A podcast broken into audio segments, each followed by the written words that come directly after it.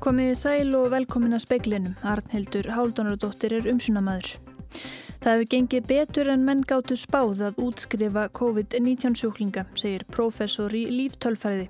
Með við nýtt spálíkan eiga fá og jafnvel engin tilfelli eftir að greinast í lók apríl og byrjun mæ, en veikin verður þó ekki alveg horfin.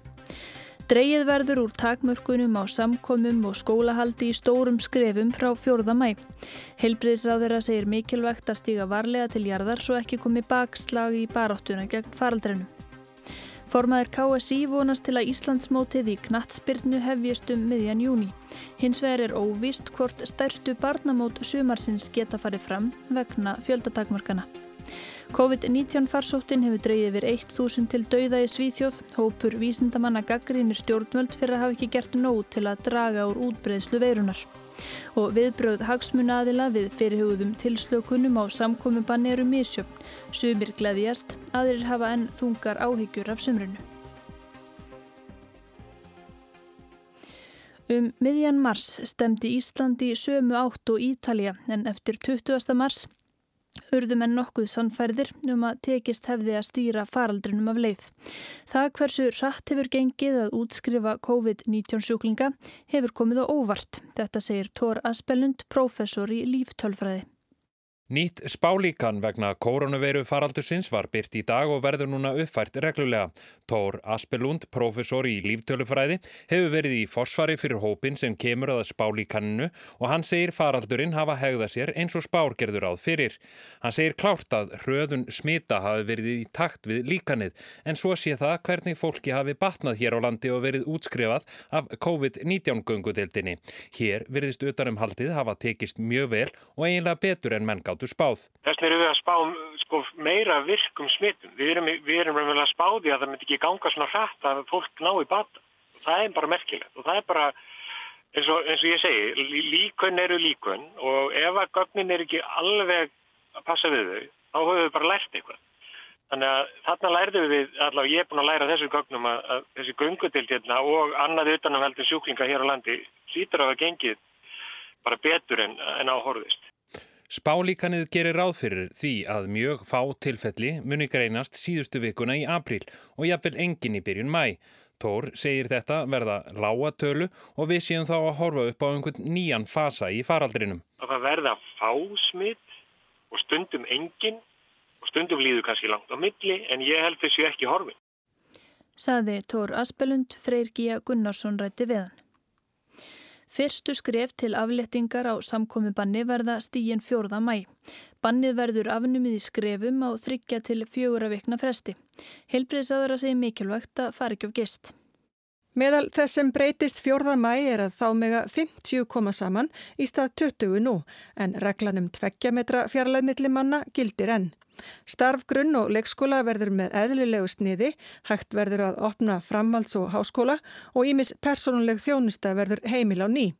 Náið verður fylst með áhrifum aðgerðana og þær endur skoðaðar á þryggja til fjögur að vikna fresti. Svandís Svavarstóttir heilbreyðisráð þeirra segir að einhugur hafi verið innan ríkistjórnarinnar um aðgerðunar. Já, við, við uh, vorum samstíða. Erum við að stíga nú uh, hröð skref tilbaka svona í ljósi áhrifana á efnahægin, á líðhelsu, á, bara á fólki í landinu? Já, þetta er náttúrulega bestumanna yfirsýn sem við erum að gera þetta rólega og við erum að gera þetta hægt til þess að þurfa ekki að stíga skræð tilbaka. Við erum í raun og veru einmitt í krafti þess hvað við höfum verið að ná góðum árangri að þá getum við sagt þetta og við getum líka sagt að grunn og leikskólar geti hafið uh, ótrúblaða starfsemi frá uh, byrjun mæ sem er stort skref, ekki bara fyrir börnin, heldur líka fyrir samfélagið allt. Segir Svandís Svavarsdóttir, Alma Ómarsdóttir talaði við hana.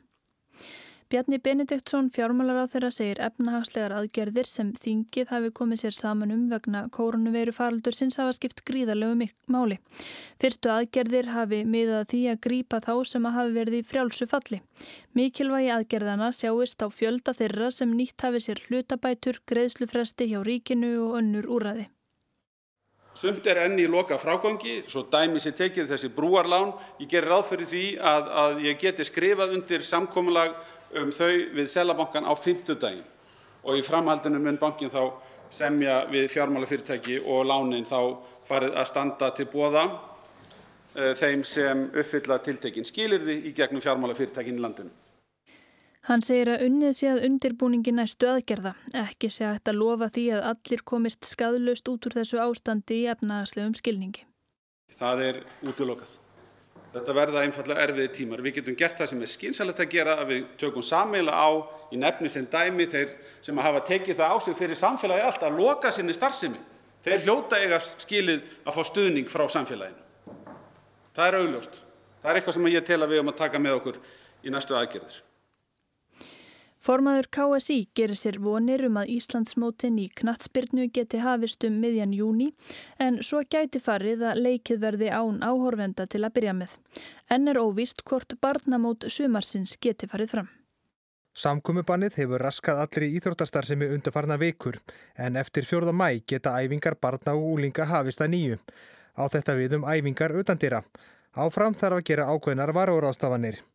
Gunni Bergson, formar KSI, fagnar þessu en segir þó óvíst hvernig starri barnamótum í sumar verði háttað. Það er nú verið að tala um kannski að, að samkomur umfram 2000 manns séu nú ekki æskilegar mögulega í sumar eins og umræðin er búin að vera.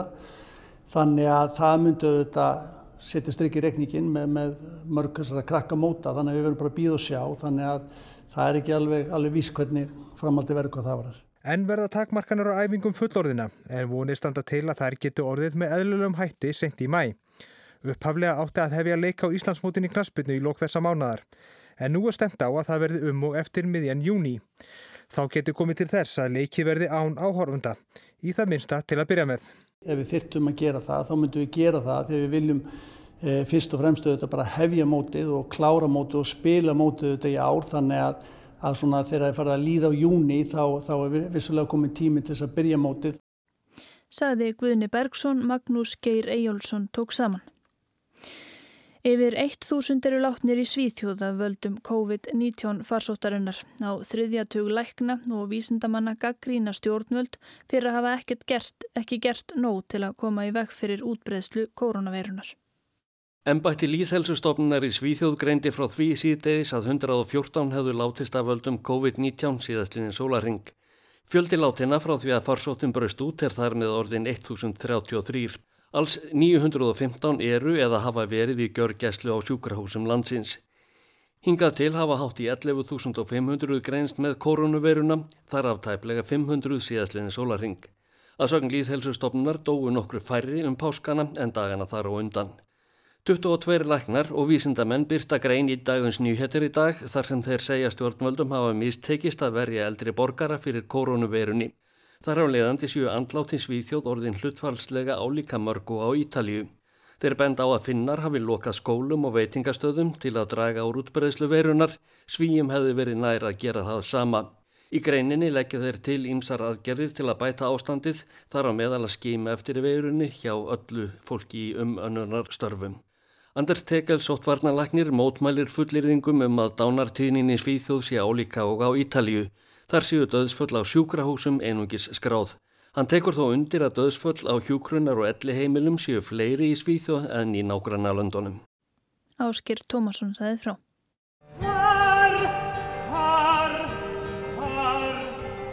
Miklu lofsorði er lokið á Bendit Kristjánsson söngvara í Þýsku miðlum.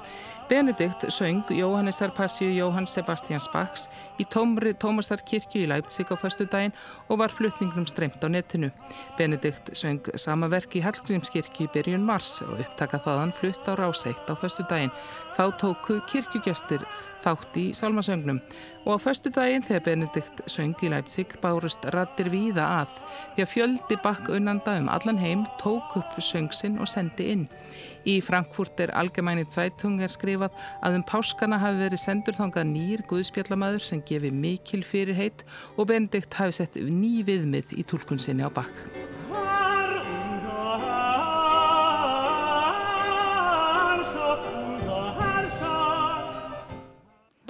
Anna Kristín Jónsdóttir saði frá.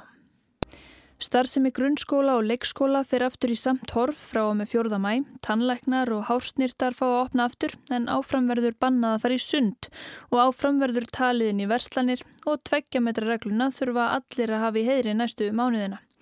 Ferðasumarið er enn í uppnámi, ekki vita hvenar afturverður óheft streymi ferðamanna til landsins. Tíðindi dagsins leggjast misvel í hagsmunaðila. Það stendur til að aflétta þeim takmörkunum sem gildum samkomur og nánd í skrefum og fyrsta skrefið á að stíga þann fjóruða mæ. Þetta kynntu stjórnvöld á bladamannafundi í hádegin í dag. Faraldurinn er í rénun hér en ráðamenn lögðu þó áherslu á að sigurinn væri ekki höfn. Nú reyndi á úthaldið og samstuðuna. Svandís Svavarstóttir helbriðisáðara útskýrði fyrirhugaðar tilsleikanir. Það sem gerist fjóruða mæ, það eru þrjár vikur til stefnu er að fjölda mörg samkomiðbanns miðast við 50 einstaklinga í stað 20 áður en reglan um 2 metra fjarlæð uh, helst óbreytt. Skólastarfi í leik- og grunnskólum verður með eðlugum hætti uh, en í framhalds- og háskólum gildir megin reglan um hámark 50 einstaklinga í sama rými. Þannig að það er sama regla uh, í skólastarfi hvað varðar framhalds- og háskólastíð eins og annar staðar í samfélaginu. Ímis þjónusta getur aftur hafist, hárgræslustofur, nuttstofur, sjúkraþjálfun, snirtistofur, söfn og sambarileg starfsemi getur hafist en halda skal tveggja metra fjarlægð milli viðskiptavina eins og kostur er. Heilbriðistjónusta, uh, eh, svo starfsemi sem felur ekki í sér, það sem heitir valkvæðar skurðaðgerðir eða aðrar ífarandi aðgerðir verður heimil og tannlækningar verða einnig heimilar. Svandís saði að með þessu legðu stjórnvöld tröst sitt á þá sem sinna þessari þjónustu. Hafdís Gretarstóttir, fagstjóri Hársnýrti yðnar við tækniskólan, er fullvisum að hárskerar gerir sitt besta til að standa undir þessu trösti. Hárskerar sáu sig knúna til að skella í lástan 24. mars og sama gildum aðra starfsemi sem krefst mikillar nándar. Engar tekjur inn, bara 0 krónur og þetta er náttúrulega heilmikil kostnaður í að leia húsnæði og sítja uppi með vörur og lagar og alls konar og fá ekki fimmkallinn. Þannig að það hefur verið mjög erfitt fyrir marga. Samkominnbannið hefur bytnað sérstaklega á yðnumum sem eiga erfiðara með að sinna náminu í gegnum fjarnám og þar með töldum hársnýrti nefnum tækniskólans. Nú geta þeir aftur farað að mæti skólan og sinna verknámi. Það er náttúrulega frábært að fá nefnundum aftur. En uh, já, þetta hefur aukið flækjustíð mjög mikið en kennarar hafa verið alveg afskaplega frjóir og nýtt sér tæknina eins og þeir geta en það er náttúrulega erfitt að vinna í verklegu að því að maður sér ekki handbröðin. Sveinsprófum hefur verið frestað en skólinn vinnur að því að tryggja námslokk þeirra sem eru á síðasta ári drægist ekki. Þorgerður Didriksdóttir, formaður félags grunnskólakennara, fagnar tíðundum dagsins. Við erum bara afskaplega glöð að fá þessar fréttir og ég held að það létti á bæði kennurum og nefnundum að geta hort fram á það að skólahald fari að fara fram með, með eðlulugum hætti því að þessi tími sem að hefur liðið frá því að samkominnbanni var sett á og, og skólastarf verulega skert að, að það hefur reynd á alla aðeila ekki síst nefnundur og fjölskyldur þeirra en líka kennara sem hafa þurft að takast á við verkefnið að halda utanum nefnundur og, og vera bæðið með fjarkjenslu og fjark utanum hald með, með mjög breyttu sniði þannig að þetta, þetta létti á, það var svolítið meira vor held ég í hjörtum flestra.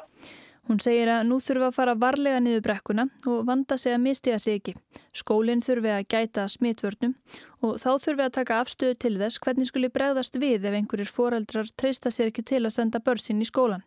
Þorgerður segir fyrirvara núna góðan en það þrjár vikur í að venjulegt skólastarf hefjist. Þannig ég held að okkur gefist miklu betri ráðrúm í að undibú okkur heldur en þegar þessu var svona skellt á með bara reynulega einni helgi sko. Þann fjórða mæ verður um mánuður eftir af skólaárunu. Það verður öruglega einhver breyting til dæmis á, á útskrift, tíundu bekkinga, uh, hvernig þau fara yfir í framhaldsskólan. Þetta allt saman þurfum við að hugsa til enda en ég held hins vegar að skólastarfið sé svo sveianlegt í eðli sínu að við getum öll tekið þennan lærdom sem við hefum tekið af þessu þessum tíma og, og fælt inn í uh, heldina. Ekki líku fyrir hvernig enn frekari afléttingar að vænta. Ríkistjórnin hyggst áfram setja trössitt á þríekið og fara að ráðum vísindamanna. Já eins og hefur verið kynnt að þá er áformað að gera þetta í skrefum, að, að aflétta þessu í skrefum og við viljum sjá sko, hverjar afleðingarnar eru eftir hvert skref og það getur tekið tvær til þrjár vikur að, að sjá það. sagði Þórólfur Guðnarsson sóttarnalæknir á fundinu. Lagt er upp með að aflétta takmörkununum hægt líkt og alþjóða heilbriðismálastofnunin hefur kvart til. Líklega verða því einhvers konar takmarkanir í gildi næstu mánuði og jafnvel út árið. Þórólfur efast um að bóluefni sé í sjónmóli og bendir á að enn sé stór hluti þjóðarinnar móttækilegur fyrir veirunni. Kanski fari eins fyrir veirunni og sars veirunni sem varð út döð á einu ári en það sé ekkert fast í hendi í þeim öfnum. Áframverður taliðinn í verslanir. Andrés Magnússon, framkvæmtastöru samtaka verslunar og þjónustu, fagnar því að slakað hafi verið á fjöldatakmörkununum en segir ekki fullt samræmi í aðgerðum stjórnvalda. Hefur, við hefum verið að vonast til þess að, að það væri meiri tilslaganir sko, og tæki meira mið af stærð verslunahúsnæðis vegna þess að það getur alveg verið 600 fermetra maturverslun það sem eru 100 mann sinni og svo er það kannski 8500 fermetra byggingaveruverslun það sem engungum mega verið 20 mann sinni og okkur finnst kannski ekki alveg næjalegs samræmi sketa þarna. Hann nefnir líka engareikinn fyrirtæki í helbriðistjónustu. Það valdi ákveðnum vonbreyðum að valkvæðar aðgerðir verði áfram óheimilar, líklega vegna síkingarhættu, en tannlæknar fái að hefja störfa nýju. Þarna finnst okkur gæta ósamræmis og það er aðkallandi að helbriðsvöld svari því í hverju það likur. Þá segir hann að samtökinn hefði viljað að það þyrrt ekki að líða margar vikur á milli tilslagana. Andrés bendir á að hagsmunir verslunarinnar og hagsmunir ferðarþjónustunnar fara stórum hluta saman. Það sé aðkallandi að fá svörfiði sem fyrst hvort hægt verði að taka á móti ferðamönnum í sumar. Óvissan er kannski einna mest í ferðarþjónustunni, gullleggi hagkerfisins. Í venjulegu árferði væri háana tími nú að fara í hönd en nú ríkir óvissa um hvort að komi einhverjir ferðamenni í sumar yfir leitt. Áslug Arna Sigurbjörnsdóttir, dómsmálar á þeirra, saði á bladamannafundinum í hátteginu að enn væri ekki komnar neinar tillögur um auknar ferðartakmarkanir. En það eru ymsir þættir í skoðun og þetta veldur þetta ekki aðeins á okkur, heldur samstarfi annara ríkja og viðbröð annara ríkja. Jóhannes Þór Skúlason, formaður samtaka ferðarþjónustunar er á línunni. Jóhannes, hjálpa þessar tilslaganir sem voru kynntar í dag ferðarþjónustunni eitthvað? Í, kannski ekki beinlínis ferðarþjónustunni, þetta eru tilslaganir sem ég kannski frekar við hér einan las en eru náttúrulega jákvæðar og einhverju leiti munum við hjálpa einhverjum fyrirtækjum eins og til dæmis veitingastöðum og, og hótelum með veitingarekstur þar sem hægt er að hefja kannski nýju þjónustu í, í sal með, með tilherandi takmörkunum en uh, við kannski býðum þess enn að finna uh, að fá fréttir af því hvernig þessar ferðartakmarkanir munum líta út ef að þær verða að setja upp. Já, það kannski skýrðist ekki mikið á fundinu um það. Nei og þetta er, þetta er erfið óvisa að búa við fyrir fyrirtæki sem að sjá fram á langvarandi tekjutap og í rauninni 100% tekjufall að mörgu liti þannig að hvort að það sé einhver möguleiki að náinn tekjum í sumar eða, eða ekki vegna að ef að verða mjög strángar ferðartakmarkanir langt inn í sumar eða út sumar eða þá náttúrulega er ferðarþjónustu sjálf hægt á landinu þar til næsta sumar þar á eftir eiginlega. Finnst þér það líklegt að það verði raunin?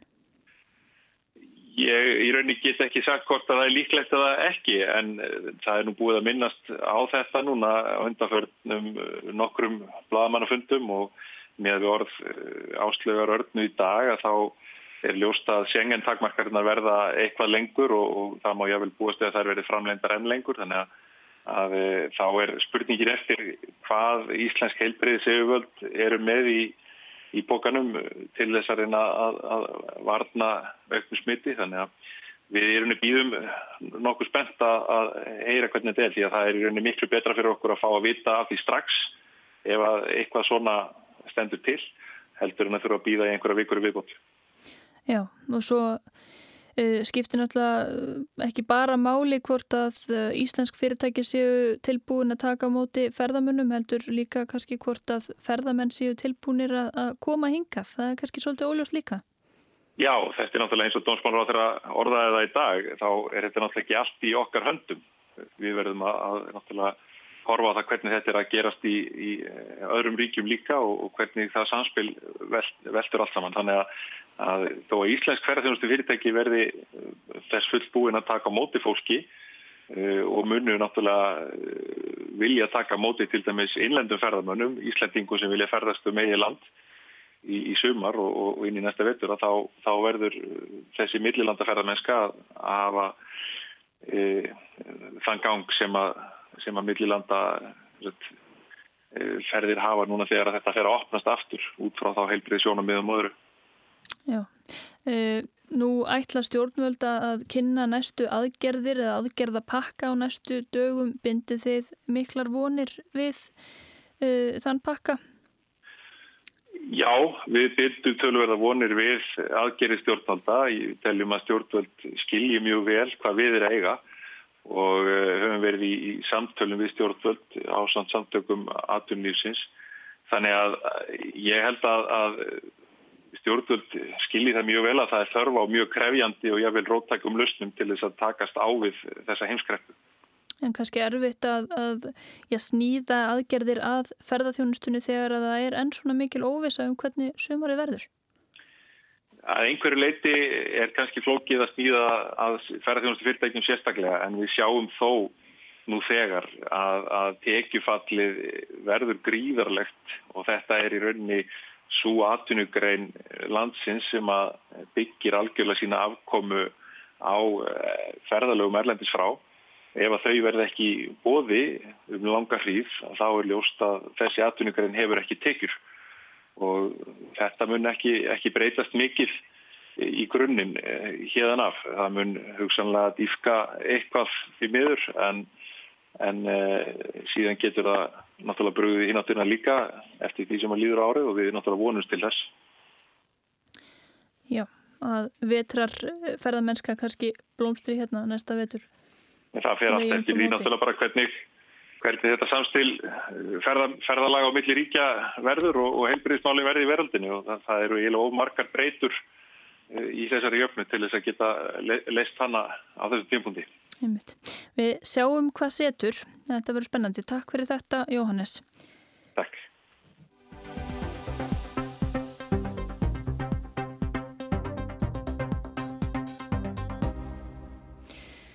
Það berast stigmagnandi fréttir af því að COVID-19 veiran geysi á breskum hjókrunarheimilum og að ástandið sé víða rapalegt. Nú þegar ímis önnur, önnur Evrópulönd stefna í að leta á samkomiðhömlum vilja breytar gerðnan fara að heyra af samskonar áatunum. En þá þarf aukna skimun sem bresku stjórninni gengur hægtan á tökum á þrátt fyrir endurtekin lovorð og tölfræðin skiptir þá líka máli. Þrátt fyrir gladlega vorsólina er annars fátum góðar fréttir í Breitlandi þessa sólarhingana. Það eru slæmar veirufréttir og þær snúast meðal annars um tölfræði. Ríkistjórnin heldur daglega bladamannafundi sem Boris Johnson fórsætsráður að stýrði upphafi á samt helstu raðgjöfum ríkistjórnarinnar í heilbríðskerfinu. Meðan fórsætsráðara er að ná sér eftir að vera við dauðan styr af veirusmiti skiptast ráðara á að stýra fundunum. Fastur liður er daglegt tölfræðilegt veiru yfirlit úr heilbriðskerfinu. Dánartalan segir ekki alla söguna því í daglegutölunum er aðeins gefið upp hvað margir með staðfest mitt hafi látist af veirunni á sjúkrahúsum í Englandi í viðbót við alla döðdaga af veiruvöldum í Wales, Skotlandi og Norðurílandi. Hagstofan Breska byrtir vikulega tölur um hversu margir hafi látist almennt en þær tölur eru einnig takmarkaðar ná aðeins til Englands og Wales. Skotland og Norðuríland gefa út einn tölur. Nýjustu bresku hagstofutölurnar voru byrtar í dag ná yfir vikuna sem endaði 3. april og eru bæði skekjandi og vekja spurningar. Hæsta dánartala síðan 2005 að hagstofan tók að byrta vikulegar dánartölur. Umræta viku létust alls rúmlega 16.000 manns miða við 10.000 að meðaltali í sömu vikunni, 5 undan farin ár. Dánartalan þessa umrættu viku var 6.000 manns umfram meðaltalið. Af þeim 6.000 er veiran skráð dánarossök í 3.500 tilfellum. En átti veiran einhvern þátt í dauða hinna 2.500? Hugsanlega. En án til dæmis skimunar er fátt um svör. Chris Whitty, landlagnir í Englandi, kom inn á þetta á daglegum bladamannafundi í gær. Nemndi eins og oft áður að fólk létist bæði af öldum veirunar en líka af óbeinum veiru ástæðum eins og til dæmis að fólk kæmist ekki að á sjúgrósum sem ætti reyndar ekki að gerast núna því það eru næg rúm, saði Vitti.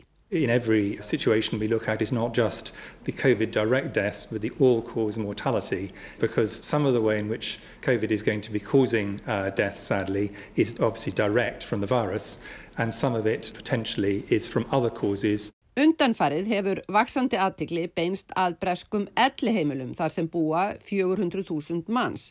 Samkvæmt þessum nýjustu hagstofutölum létust vikunan til 3. apríl 217 manns á elliheimilum. Vikuna áður aðeins 20. Svo þarna varð ríflega tíföldun milli vikna. Í gær taldi Witti Smith hafa komið upp á ríflega 13% elliheimila hafi fyrir helgi nefnt 9%. Aðilar sem reka elliheimili telja nærlægi að á helmingi elliheimila séu smitaðir vistmenn.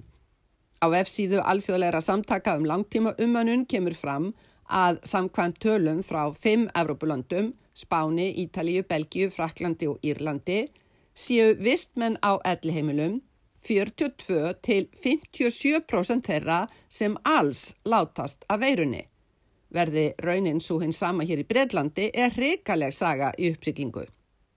Miða við fyrirlikjandi tölur má alla að um þúsund manns hafi látist af veirunni á elliheimilum, rúmlega 11.000 manns á sjúkrahúsum, þá alls um 12.000 manns látist af veirunni á þessum stopnunum.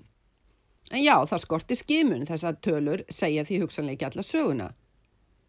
Elliheimili hér eru engareikin en með ofinberu framlægi sem hefur verið skorið niður eins og flest annað í félagsleru umönun undir aðhaldsamri ríkistjórn íhjárslokksins í tæpan áratug. Forstöðumenn elliheimila hafa kvartað sáran undanfarið yfir að vera settir hjá í útlutun hlýðarfatnaðar sem gerir þá umönun erfiðari. Sami skortur er reyndar á mörgum sjúkrastofnunum. Þann 16. mars hafði Tetros Adhanom Ghebreyesus, yfirmaður alþjóða heilbriðstofnunarinnar, klár skilaboð til allra landa um skimun. Skimið hvert einasta mögulega tilfelli. We have a simple message for all countries. Test, test, test. Test every suspected case. Þessum skilabóðum var ekki síst beint til breskustjórnarinnar sem þá hafði formála löst slakað á skimun í glímunni við útbreyslu. Stjórnin svarar nú helst linnulöysri gaggrinni í þessum efnum eða í stórtækari lofordum um skimun. Því skimun er enn mikilvæg, meðal annars í viðletni við að endurræsa þjóðfélagið eins og Ímis lönd er nú að gera. Og nú vilja breytar helst fara að heyra hvenar það muni gerast hér. Til þess þarf, meðal annars, góða tölfræði og skimun. Það var Sigrun Davistóttir sem tók saman. Við sögðum frá því í speklinum í kvöld að það hefur gengið betur en menn gáttu spáð að útskrifa COVID-19 sjúklinga. Þetta segir professor í líftölfræði. Með að við nýtt spáli kann eiga fá og jáfnvel engin tilfelli eftir að greinast í lok april og byrjun mæ en veikin verður þó ekki alveg horfin. Dreigið verður úr takmörkunum og samkomum og skólahaldi í stórum skrefum frá fjóruða mæ. Helbriðisrað þeirra segir mikilvægt að stiga varlega til jarðar svo ekki komi bakslag í baráttuna gegn faraldrinum. Formaður KSI vonast til að Íslandsmótið í knattspyrnu hefjist um miðjan júni, hins vegar er óvist hvort stærstu barnamót sumarsins geta farið fram vegna fjöldatakmarkana. COVID-19 farsóttin hefur dreyið yfir 1000 til dauða í Svíþjóð. Hópur vísindamanna gaggrinir stjórnvöld fyrir að hafa ekki gert nót til að draga úr útbreyslu veirunar. Viðbröð hagsmunaðila við tilkynningu stjórnvalda um fyrirhugaðar tilslaganir á samkomiðbanni eru misjöfn, sumir gleðjast, aðrir hafa þungar áhyggjur af sumrinu. Daglegar COVID-dánartölur bresku stjórnarinnar segi ekki alla söguna því þær sína aðeins döðdaga á sjúkrahúsum. Af elli heimilum landsins berast nú slæmar veirufrettir og veðurhorfur viða suðvestan 10 til 18 metrar á sekundu í kvöld, kvassast norðan heiða, skúrir eða jél vestan til en bjart veður austanlands. Vestan 8 til 13 á morgun og stökur skúrir eða jél en lægir og stittir upp annað kvöld. Hiti 1 til 8 stega deginu. Tæknumæður í útsendingu var Magnús Þorstedt Magnússon. Verið sæl.